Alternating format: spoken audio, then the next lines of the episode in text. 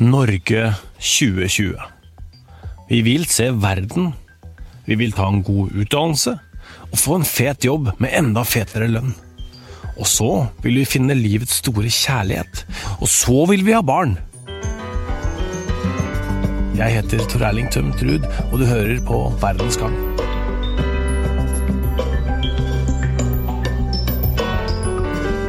Så moderne er vår generasjon at det kan være lett å glemme at kroppene våre går ut på dato før vi skulle ønske, og kanskje til og med før du rekker å finne han du ønsker skal bli far til dine barn.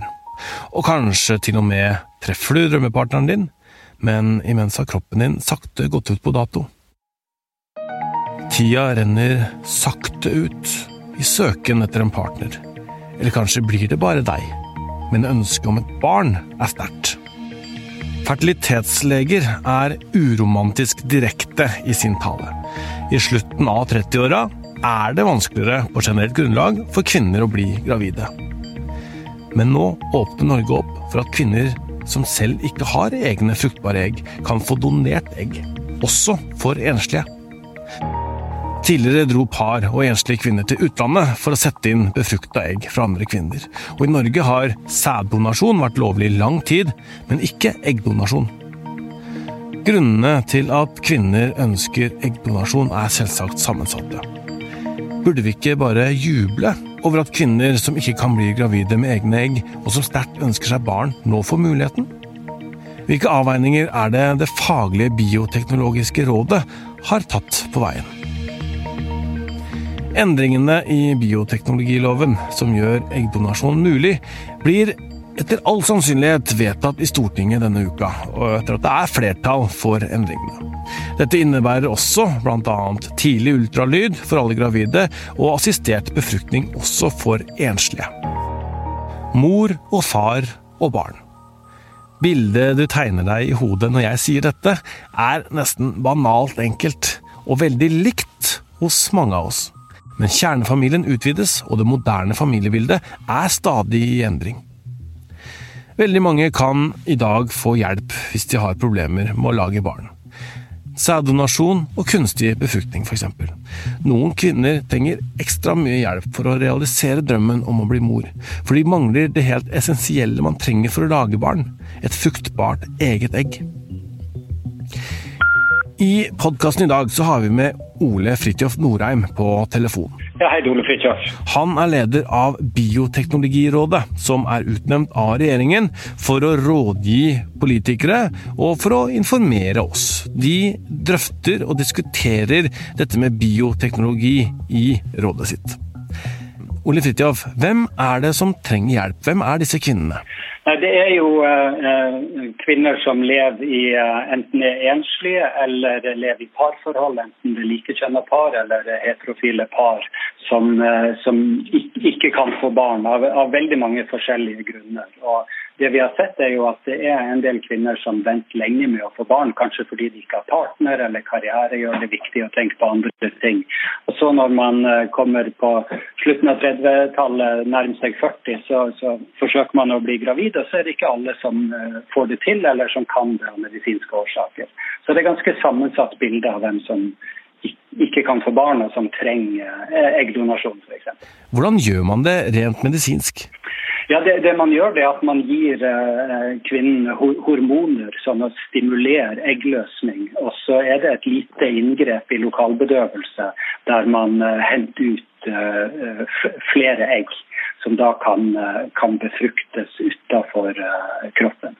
Så I andre land er det vanlig at det er en donor som, eh, som ønsker å gi, gi, fra seg egg, og de hentes ut fra, fra, den kvinnen. og Så kan de fryses ned, og så, og så kan det befruktes og settes inn i, i, i, i livmora til den kvinnen som, som ønsker, ønsker et barn.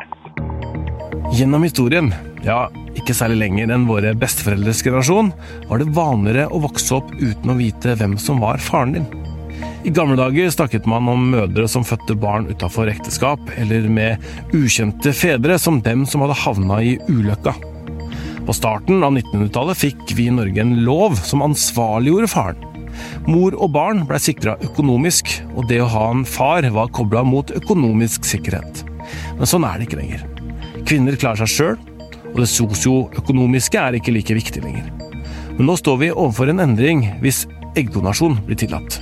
For mange hevder at de biologiske båndene brytes til mor når egget kommer fra en annen kvinne enn hun som bærer det frem. Hvordan har dere i Bioteknologirådet vurdert denne problemstillingen? Ja, Vi har jo drøfta den problemstillingen veldig nøye. og jeg kan jo først si at Det var et knapt flertall for å, for å tillate eggdonasjon i Bioteknologirådet. og argumentene der var at dette er en veldig god måte å hjelpe de kvinnene som virkelig trenger det. Eh, og det er ingen andre som egentlig blir skadelidende av det. Så Det var hovedargumentene. Men mindretallet de la vekt på dette med biologisk og genetisk tilknytning. At uh, I naturen så har det alltid vært sånn at den som føder barnet, er, er den som uh, har gitt opphav med, med egget også. Og, og, det å bryte den genetiske linken har de sett på som problematisk. Og, og mange er opptatt av at den teknologiseringen av et uh, svangerskap at den er uheldig. Hva er det som er problematisk med det? da? Nei, Man tenker seg at uh, det biologisk naturlig at, det, uh, at, at mor for dette barnet da er, er genetisk mor, at, at, det er naturlig, og at det å bryte den linken eh, oppfattes som, som veldig problematisk. Eh, de har også trukket frem mindretallet da, at eh, hvis man tillater eggdonasjon, så bryter man en barriere, sånn at det neste som kommer opp, vil da være surrogati. Så man er ekstra imot mange da. Det er jo sånn at de aller fleste ønsker å lage barn hjemme. Det er billigst og mest effektivt. Men det er ikke sånn at en lovendring kommer til å føre til et ras av kvinner som løper til fertilitetsklinikkene. I Norge fødes det litt over 2000 barn etter assistert befruktning hvert år. Og totalt fødes det ca. 54 000 barn i Norge. Hvert år. Jon Hausken, som driver Klinikk Hausken, anslår at rundt 300 av disse er resultatet av sæddonasjon. Og det er inkludert de single kvinnene som drar til Danmark, f.eks.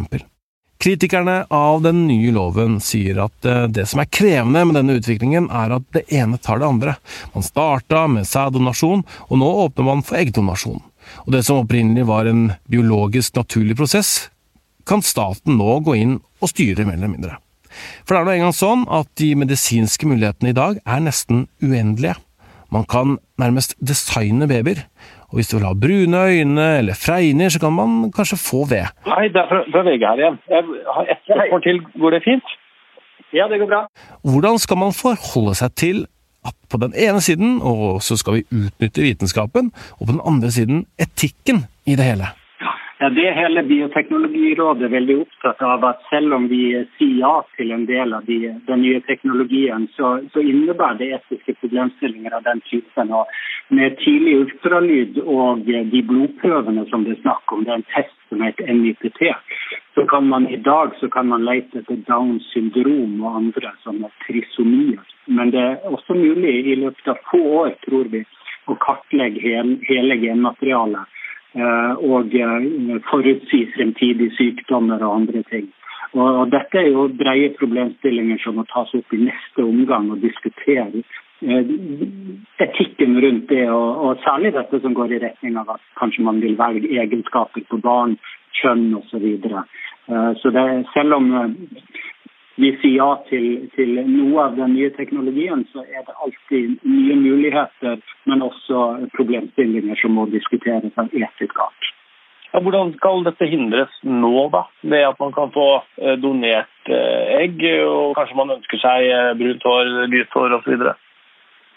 Ja, vi har jo lagt, vi har sagt i Bioteknologirådet, og også stortingsflertallet ønsker en ordning der donor ikke er kjent, og at man ikke kan donere et egg til et spesielt par eller en spesiell kvinne. Altså man donerer et egg til en eggbank. Eh, og På den måten så kan man ikke be om spesielle egenskaper hos, eh, hos donor. Det skjer til en viss grad i USA, men det, ordningen som er lagt opp til i Norge, gjør at det ikke være mulig. Forslag til endring i bioteknologiloven handler om kvinner og menns ønske om å få barn. Men så er det det ufødte barnet, da. Hvilke rettigheter skal det ha når det gjelder eget opphav? Ja, eh, Flertallet som ville tillate eggdonasjon i Bioteknologirådet sa, og, og, også de andre, hvis det blir tillatt, er jo opptatt av at det bør være samme ordning som med sæddonasjon. Dvs. Si at når barnet er lite, så er donor ukjent. Eh, men når, eh, når barnet når en viss alder, og det nye lovforslaget sier vel 15 år, Eh, da skal eh, det være mulig for barnet å, å, få vite hvem som er den biologiske forelderen. Så Dette er jo viktig for, eh, for noen når de, når de, vokser opp, at de har muligheten til å kjenne sitt opphav.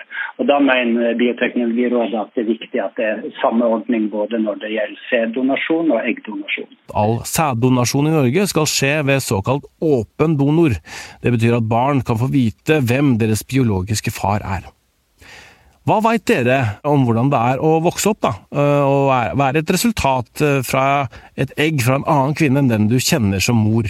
Vi har studert eh, forskningen på det ganske grundig, og det er ikke så veldig mange studier på det. det jo, man må jo følge, følge, barna i veldig veldig mange år og se på det, men det som finnes av forskning, tyder ikke på at det går dårligere med, med barn som er født på den måten. Og Det er jo ganske lang erfaring i utlandet, så det er ikke påvist noen negative følger. og De, de få studiene som er, de, de viser jo at, at, det går like bra med barn som er født eh, gjennom eggdonasjon, som med, med andre barn. Men det er altså litt eh, en svakhet med forskningen at det ikke finnes så veldig mange studier. Og de som har studert det, har kanskje vært ekstra positive til eggdonasjon. Så det er litt sånn skjevhet i utvalget, men det er den kunnskapen vi har. og Den har også Bioteknologirådets flertall lagt vekt på. Det. Før i tida så sa vi eh, at eh, kvinner havna i ulykka hvis de eh, fikk barn med med noen tilfeldig, eller man ikke helt var, var, klar for det. Når man da går til det skrittet at man går til å få donert et egg, så er det jo ingenting som er tilfeldig. Og de som gjør det, ønsker veldig sterkt å få barn også. Hva har det å si? Nei, vi, vi, tenker jo at det er veldig bra på mange måter at dette kan gjøres i ordna forhold, og helst innenfor den norske offentlige helsetjenesten. Vi vet jo i dag at det er en del kvinner, kanskje 200 eller noe sånt, eh, som har reist til utlandet, bl.a. Danmark, og fått donerte egg. Eh, og Der er det jo en del sentre som eh, ikke har de samme reglene som i Norge, sånn at uh, den som donerer egg er helt ukjent. Så de vil da aldri få, få kjenne sitt biologiske opphav. Så det er mange argumenter som tyder på at det er, det er bedre å, å, å, få denne ordningen og et tilbud innenfor uh, ordna forhold i Norge, enn at man f.eks. reiser til utlandet eller går på byen som i gamle dager. Hvilke avveininger har dere gjort på vegne av det ufødte barnet? Eh, vi er jo opptatt av barns rettigheter, og det er førende for, for Bioteknologirådet sine vurderinger. At vi, vi, er, vi, legger særlig vekt på barnets eh, rettigheter, mulighet til, til, å leve et godt liv. og det, Derfor har vi også gjort den vurderingen og sett på forskningen, og vi finner ikke, i hvert fall de som har vært en del av flertallet, finner ikke noe forskning som tyder på at det vil gå dårligere for barnet. Så I en helhetsvurdering så uh, la jo flertallet vekt på at eggdonasjon er veldig god hjelp til de som virkelig sterkt ønsker seg et barn og ikke kan få det med egne egg. Uh, og at vi ser ikke noe som tyder på at det går dårligere for barn som er født på den måten. Hvis det blir sånn at dette blir uh vedtatt da, i, i, Stortinget. Når er det eh, norske kvinner kan eh, begynne å få donerte egg? Nei, Det er jo opp til, opp til stortingsflertallet i så fall. Det er, det er, jo flere av partiene som ønsker å få dette på plass så fort som mulig. Men jeg vil jo tro at det, det er mye som må, må på plass med, med, regler og retningslinjer og et system eh, som må på plass. og Det blir vel neppe før eh, tidlig neste år i hvert fall. Nettopp. Så nytt barn til sommeren, det går ikke på den måten her? Det tror jeg ikke. Mm, nettopp. Da har jeg fått svar på det, Ole Fridtjof. Tusen takk. Jo, bare fint. Takk for at du var med i podkasten, Ole Fridtjof Norheim, leder av Bioteknologirådet. Ja, bare hyggelig. Verdens Gang lages av Kristine Hellesland, Emilie Hall Torp, Nora Torp Bjørnstad og meg, Tor Erling Tømt Ruud. Magne Antonsen er teknisk ansvarlig. Vi høres igjen i morgen.